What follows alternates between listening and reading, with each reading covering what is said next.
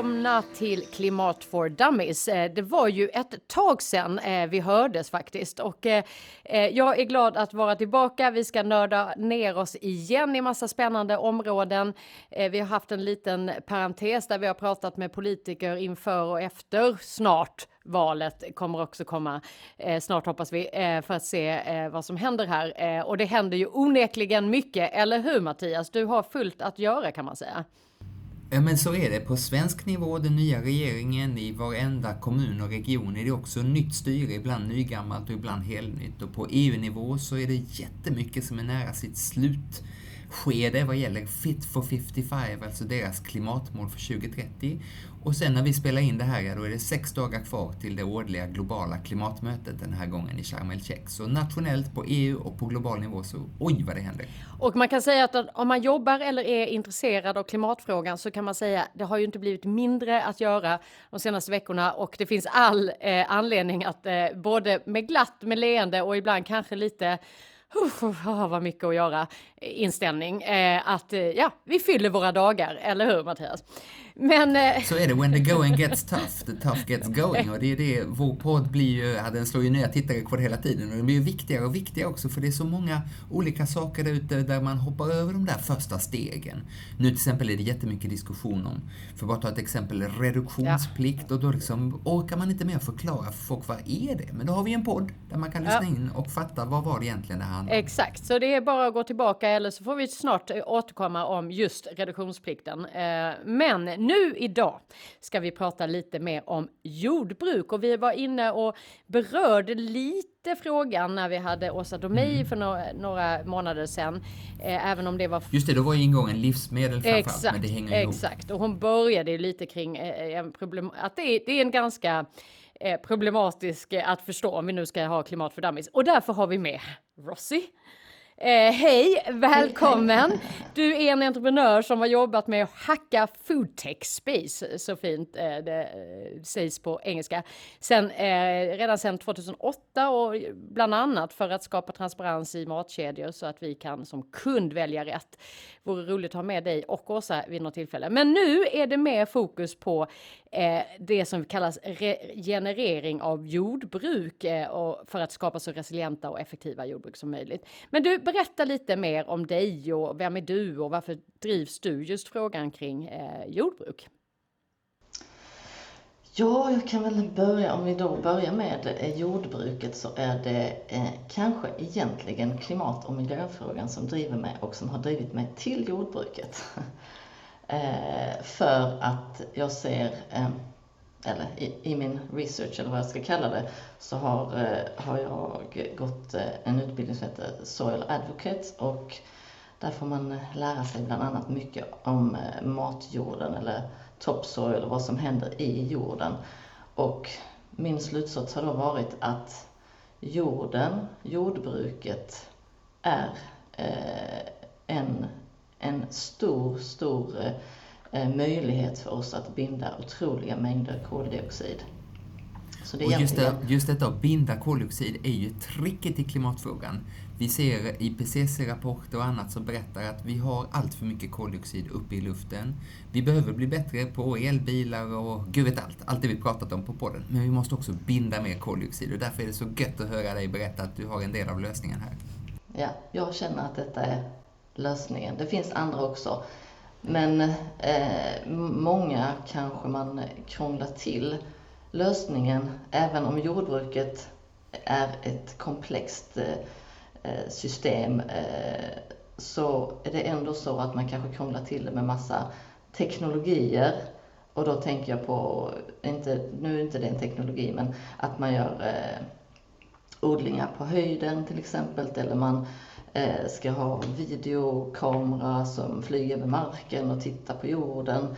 Eh, när man istället kan titta på jorden, lukta på jorden, känna på den, hur mår den? Behöver inte så mycket eh, mer än kunskapen för att se. Och ibland så kanske vi gör det lite krångligare än vad det behöver vara. Det är ju budskap vi älskar på Climate for Dummies som du kan göra lite enklare för oss. Och du får jättegärna förklara hur det går till. Så jag som liksom storstadsbo fattar och går ut och känner, lukta, fattar. Är det här en kolsänka? Är det här klimatsmart eller inte? Ja. Så i det regenerativa jordbruket så följer man vissa principer. Och de principerna, eh, ja så som det är nu så helar det ju jorden. Och eh, bland annat då ska man inte röra i jorden för mycket. För där är mycket, eh, många samhällen som förstörs om du eh, plogar till exempel eller besprutar med kemikalier. Plogningen får, om man nu ska göra det, så får det bara gå ner några centimeter för mikroorganismer och bakterier som har det är inte, ja det finns någonting som heter mycorrhizal fungi också som är en, ja, en hjälpreda kan man säga till eh, växterna. En naturlig sådan, eh, eller hur? Ja, mm. ja mm. precis, absolut en naturlig. Den, den kan börja växa om den har rätt förutsättningar. Och då är det viktigt att man inte besprutar och inte eh, rör i liksom, ja, ploga till exempel, det är ju det bästa. Mekanisk eller kemisk eh, beröring kan man säga. Får jag bara skjuta in där, mm. vad är skillnaden då på vi som inte är där eh, och, och odlar och, och, så? Vad är skillnaden på regenererat jordbruk och så att säga mer traditionellt jordbruk? Det traditionella jordbruket som du säger kallas också konventionellt jordbruk. Och man kan väl säga att det började uppstå på 40-50-talet när, när vi eh, började bespruta mer och mer och vi hade eh, efter andra världskriget egentligen, när vi hade problem att förse människor med mat. Och samtidigt så eh, för, för, förnyades en process som gjorde det möjligt att eh, göra storskalig tillverkning av konstgödsel. Och initialt så var, såg man stora eh, förbättringar i skördarna med detta. Men vad det gör är att det är lite som om man eh, knarkar. Du behöver mer och mer för att få samma kick. Eh, så att det är samma för jorden, att du behöver liksom hela tiden mer och mer. Och sedan så eh, blir det ohållbart, eh, för jordarna blir sämre och sämre. Och eh, jag skulle vilja läsa en liten radda som är ett litet eh, ja, ett händelseförlopp kan man säga i vad som kan hända om man förlorar mångfalden i jorden. Så först är det då mångfalden försvinner eller minskar mycket. Då blir det mindre näring i cyklerna. När det händer så behöver man en ökad användning av konstgödsel. Ökad eh, eh, när man ökar konstgödslingen så ökar också ogräsväxten. För eh, många ogräs eh, är storförbrukare av kväve, vilket finns i konstgödsel. Så då växer den mycket bra och då, det genererar då att du måste börja bespruta för ogräs. Till exempel Roundup och i Roundup så finns något som heter glyfosat. Och detta anses vara en eh, typ av antibiotika. Antibiotika dödar alla bakterier. Ja, kanske inte alla bakterier, men det dödar mycket bakterier. Och jordarna, en frisk jord, är beroende av bakterier. Eh, dessutom så är många ogräs något som heter kelater och kelater binder metaller till sig. Eh, som zink, magnesium, mangan, järn, koppar. Och dessa eh, metaller är näringsämnen som växterna använder för att skydda sig mot sjukdomar.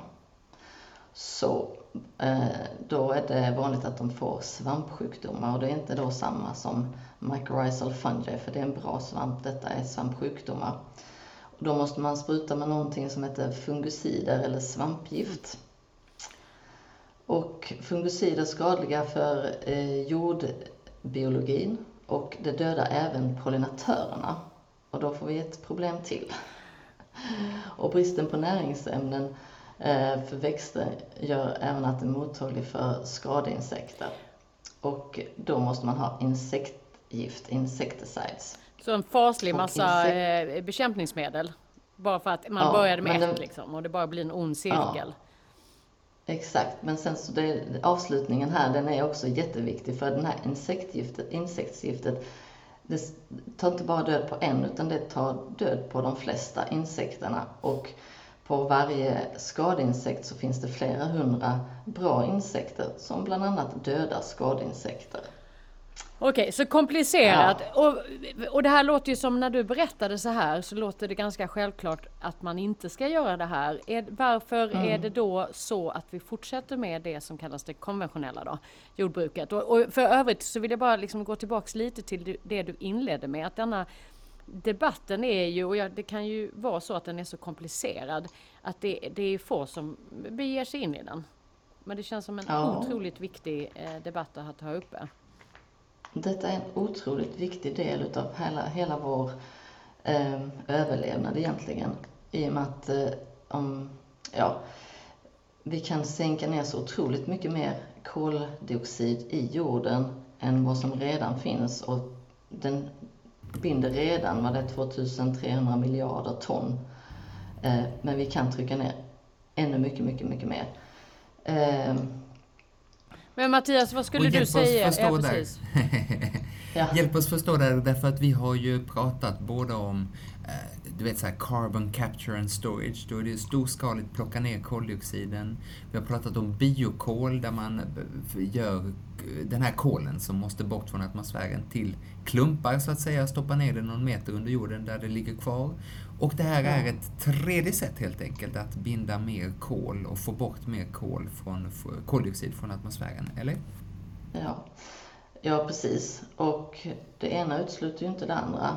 Men detta är definitivt eh, ett tredje sätt i sammanhanget. Och eh, eh, saken är att om du har en frisk jord eh, nu, det, det, är väldigt mycket, så det är mycket att tänka på här i de här olika cyklerna och i kretsloppen som finns i jordbruket. Men om vi börjar med det eh, konventionella jordbruket och den besprutade, där, mm, om vi kommer ihåg eh, det lilla som jag läste här innan, så eh, blir det till slut då att jorden dör mer och mer. Och man använder plogning i sammanhanget också därför att eh, det blir så mycket ogräs. Och för att ta död på ogräsrötterna till exempel så plogar man och man besprutar. Men jorden blir också hårdare och hårdare. Så om man då tittar på när det regnar till exempel, som de som är lite äldre kan ju kom, kanske komma ihåg att det var inte så mycket vatten på åkrar och på jordar. Det sjönk ner. Ja ja, det sjönk ner. Man kan också eh, nämna här att, att om man tittar på en konventionell jord, en dålig, rätt så hård jord, kan man ha en infiltration på en 2,5 centimeter kanske på en timme. Där en bra regenererad jord kan infiltrera upp till 16 eh, inches, inches ja, 16 gånger 2,5 blir det då. Nu har jag inte Nu har du ju bott mycket i USA. 50 centimeter och sånt där. Det är mycket stor skillnad, är det viktiga kanske. Ja, ja precis. På bara några minuter. Just det. Ja. Och det där är ju extra viktigt bara för att vi ska komma ihåg att vi är på Klimat för Dummies. Och klimat är ju dels att minska utsläppen men också att bättre anpassa oss till ett förändrat klimat, tyvärr. Där vi ja. ju räknar, tyvärr igen, med våldsammare skyfall. Och om vi då kombinerar våldsammare skyfall med att marken kan inte ta ta hand om det där vattnet, ja då ligger vi ju pyrt till. Mm. Mycket pyrt till. Och då kan också nämnas att om man har friska jordar så är vatten, det finns två olika vattencykler. Eh, det finns ett stort vattencykel och en liten vattencykel. Och båda de här blir väldigt störda eh, när man har, när man har konventionellt jordbruk tillsammans med stora städer. Mm. Det. det blir någonting som heter Heat Islands, eller värmeöar, eh, ifrån städerna. Och det trycker bort luft, eller inte luft, vatten menar jag. Eh, plus att eh, mycket av vattnet från de här hårda jordarna rinner bara bort. Och då drar med sig toppskiktet av jorden också. Och därför så rinner det inte ner någonting i grundvattenreservoarerna. Och på så sätt så behöver vi konstbevattna. Och konstbevattna, då tar vi från grundvattnet. Och eh, nu börjar grundvattnet ta slut.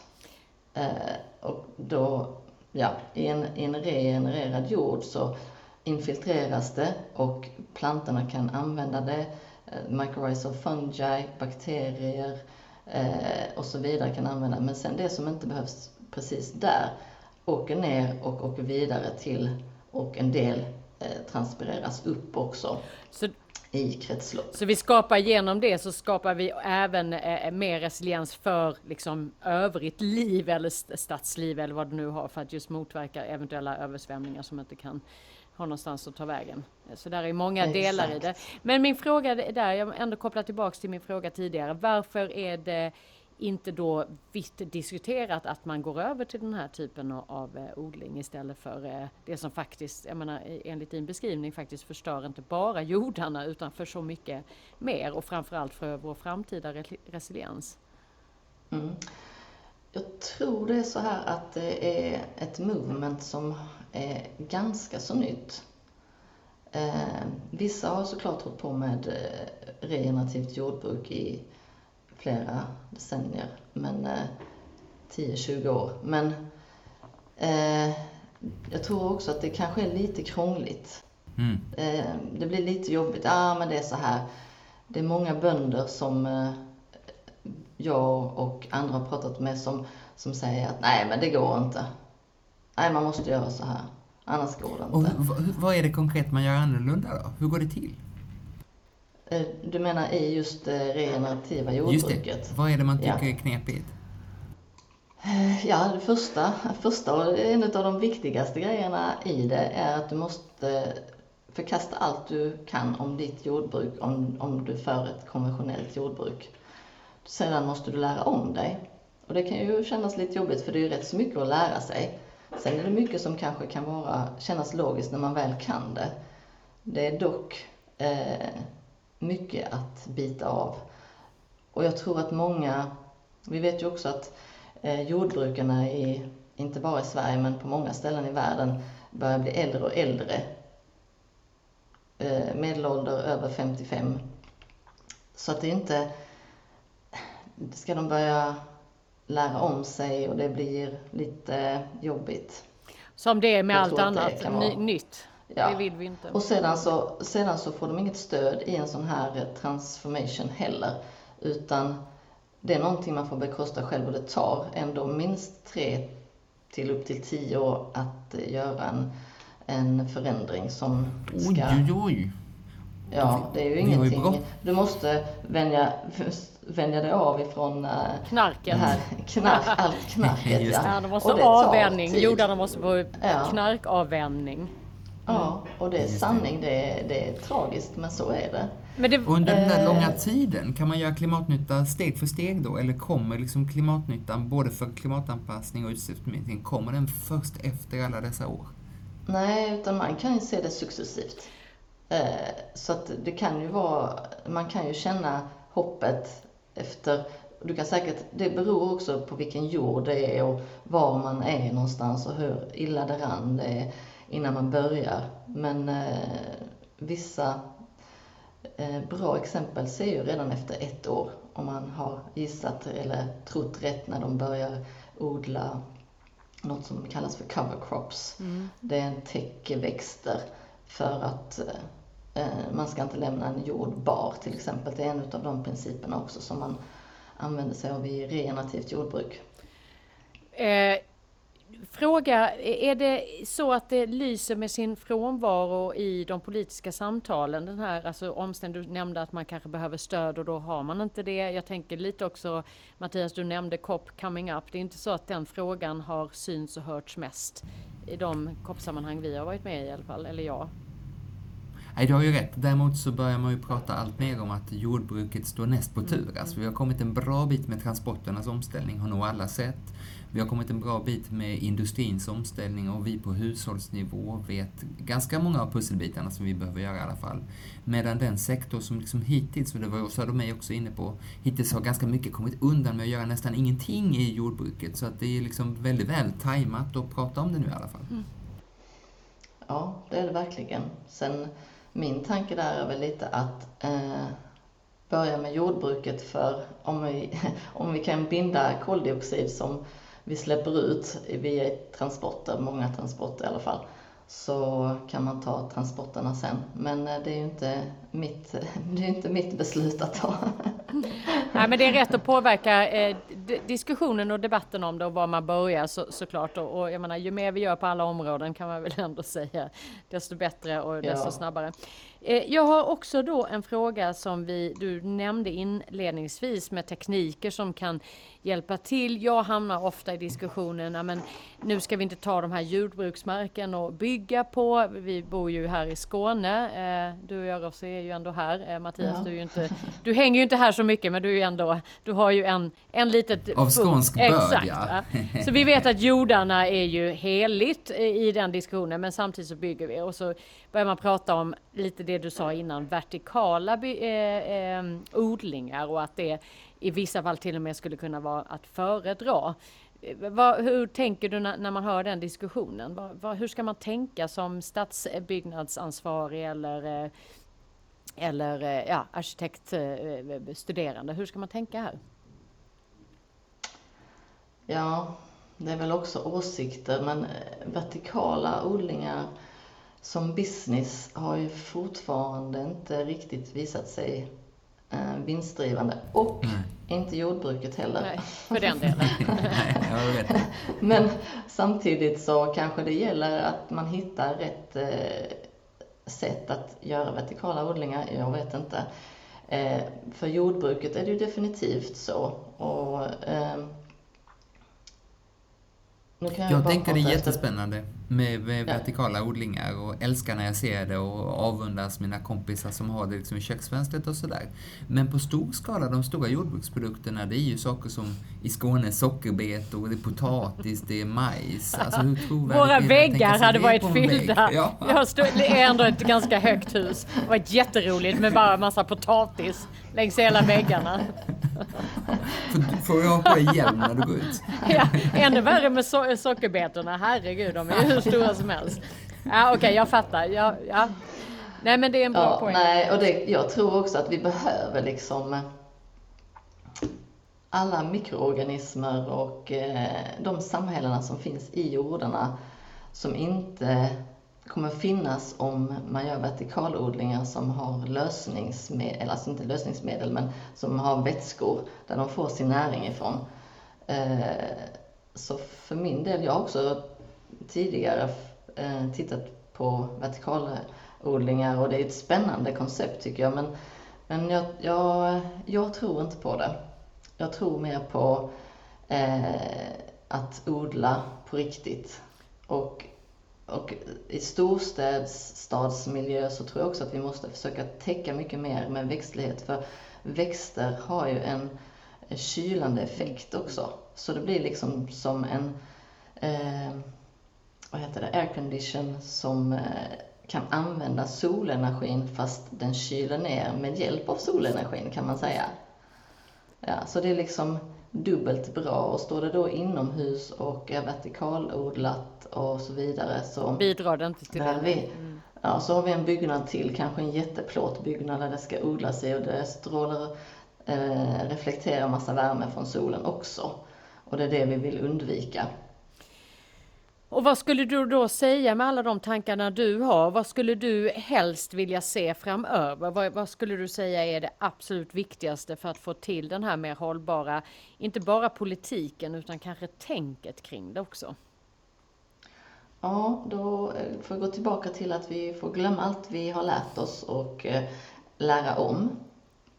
Jag tror också att det är jätteviktigt att bönder Eh, kan få möjlighet att föryngras eh, inte personligen då, utan bytas ut. Men eh, ge, ge förmildrande för eh, förmildrande omständigheter till personer som är yngre och vill leva på sitt jordbruk. Eh, utbilda dem eh, i det, men även de äldre som redan håller på och som vill fortsätta. Men det, som det är just idag, inte bara i Sverige och många gånger så pratar jag om, inte bara om Sverige därför att vi är ett väldigt litet land men, men vi måste självklart bidra också. Men många bönder, eh, är, eller man, det är svårt att komma till att köpa en gård som, eh, som är ny och man kanske inte har sparat ihop pengar. Mm. Eh, och sedan så blir det extra dyrt om man köper mark för att odla jämfört med om du köper mark bara för att ha marken. Vilket också är väldigt konstigt. Men så är det. Eh, och sen så tror jag också att vi behöver föra in i skolor, eh, utbilda eller lära barn, ungdomar, unga vuxna, även oss som är äldre också såklart, men jag tror det viktiga är att man för in det tidigt eh, så att man har det med sig hela livet och då väljer man rätt redan från början. Man har valt, valt, vant sig vid att välja rätt. Så man behöver liksom inte reflektera över att oj vad jobbigt, nu måste jag fundera här eller oj vad jobbigt, jag måste ändra på mig. Jag vill ju faktiskt köpa den där grejen som är packad i plast eller vad det nu kan vara. Det som är ändå intressant att höra, vi var inblandade i en konferens i somras eh, för en organisation som heter Better Cotton och det är ju bomullsodlingen globalt och där var eh, vi hade med bönder och hela eh, upp i kedjan till de stora eh, kedjorna Ikea och H&M och så vidare. Och det, det som var intressant var att det kom faktiskt upp diskussioner om både det regener regenerativa, det är inte helt enkelt ord, Nej, men också det här med generationsväxling och, och, och, det livslånga lärandet att vara beredd att, att anpassa för att kunna vara en del av lösningen också framåt. Så det, det sker mm. ju ändå liksom lite, men det, det, är klart att det lyser ju med sin frånvaro kanske i de stora sammanhangen om att, att behovet eh, kanske väldigt ter sig lite nischat men det bör, berör oss alla. Så, så den här diskussionen borde ju vara mer när, närvarande, precis som du säger, i allt från utbildning, politiken, näringspolitiken. Fråga på tal om näring, eh, liksom, så att säga köparen i det här. Eh, jag vet att du har jobbat en del med stora matvarugrossister. Eh, kan man liksom sätta lite krav därifrån att vi vill bara ha produkter som är genererade, producerade ja. av regenerativt jordbruk. Ja, absolut. Och jag tror att ett bra steg för oss är både att vi kräver lagändringar. Eh, vi som är de äldre konsumenterna, eh, att vi kan eh, välja sådant som är, eh, vad heter det här, organically grown. Men det kan vi väl? Kan vi inte bara köpa kravmärkt ja. eller liknande? Eller det Precis. duger inte menar du? Jo, jo, jo. Eh, absolut. Det, det är ju en bra början för det där jag menar att om man väljer krav så eh, eh, kan vi sakta men säkert fasa in det som någonting som blir det vanliga istället för tvärtom. Och nu är det ju lite sådana här grejer också som att bonden som vill vara kravmärkt får betala medan det kanske borde vara den som är, besprutar våra marker med gifter borde få betala istället så att den som inte gör det kan få sin kravmärkning till exempel. Eh, så att man vänder på det lite. Där har du ju dubbelt rätt tycker jag. Dels har vi ju faktiskt enat om det. det mm. liksom, den heter ju förorenaren betalar-principen, polluter pays principle. Den står inskriven i FN-stadgan och EUs grundstatuter och är grunden för svenska miljöbalken och liknande. Men ändå har du ju rätt att det är ju gång på gång den som ja. gör något som är bättre för miljö och klimat som måste ta notan. En annan grej som ja. man ska komma ihåg bara innan samtalet går vidare är att när jag frågar folk vad tror du KRAV står för? Så brukar folk tro att K där förmodligen står för klimat, men det står för kontrollförening. Det är ju nästan så att, eh, att eh, man skulle önska att våra vänner på de här certifieringsorganen lite tuffare och lite tydligare lyfter fram de klimatfrågor mm. vi diskuterar idag. Ja, och vem vet, det kanske kommer någon ny eh, stämpel, certifiering som blir regenerativ. Jag vet att man jobbar på det i, eller det finns redan i USA, en som heter ROC, ROC. Eh, och eh, de ska väl komma till Vad står det Europa för då? ROC? Eh, Regenerative eh, or, Organization Certification. Någonting. Det ser vi fram emot. Superspännande. Det känns som en fråga som vi definitivt borde vara närvarande för att det är ju också en lösning på ett problem. Alltså skulle vi kunna Ja, få till precis. ett mer regenererat jordbruk som det låter på dig så kan vi också lösa andra delar av våra klimatutsläpp eh, och fånga och eh, eh, fånga upp utsläppen på ett annat sätt. Så det känns som att eh, det här behöver vi ta med oss och eh, ytterligare borra i. Eh, jag tänker att eh, tiden går ju snabbt när man har kul. Vi har fått en liten Ja. insyn. Jag har en viktig Ja, grej säg. också. En, en sista. En jämförelse på en morot, en regenererad, som har levt i en frisk jord, eh, jämfört mot en, en konventionellt odlad jord, eh, morot. På en regenerative morot kan man få, får man upp till eh, 200 morötter konventionella i näringsvärde. Så att en morot eh, Motsvarar. är lika mycket motsvarar en, eh, 200 stycken konventionella. Så vi har ju en, en, en eh, helt en annan näringsriktighet också om man får en frisk jord med mer näringsämnen i. Det var ju väldigt, för man vill inte äta 200 morötter bara för att få i det där, kände jag där. Nej, eller som Det var ju väldigt min, bra. Mammas, min mammas generation behövde en apelsin men vi behöver åtta för att få i oss samma näring. Ja, den är bra. Bra medskick och eh, avrundning för det, för det tål verkligen att tänka på. Den typen av, av budskap tror jag också sätter sig ganska snabbt i att förstå varför det är väldigt viktigt att, Ja. att tänka vad vi faktiskt gör med våra jordar idag. Eh, stort tack Rosie för att du ville vara med. Eh, Mattias, vi Tack själv. hörs ju snart igen därför att eh, precis som du nämnde, COP är i antågande och vi ska prata med Mattias Frumeri här alldeles eh, strax eh, om nästa kapitel. Sveriges chefsförhandlare, ja. Precis, i COP-förhandlingarna. Och höra lite vad är läget, hur är, vad, vad händer, vad kommer vi kunna se fram emot? Kanske vi kan ställa frågan, har man denna frågan kring regenerativt jordbruk uppe eller inte?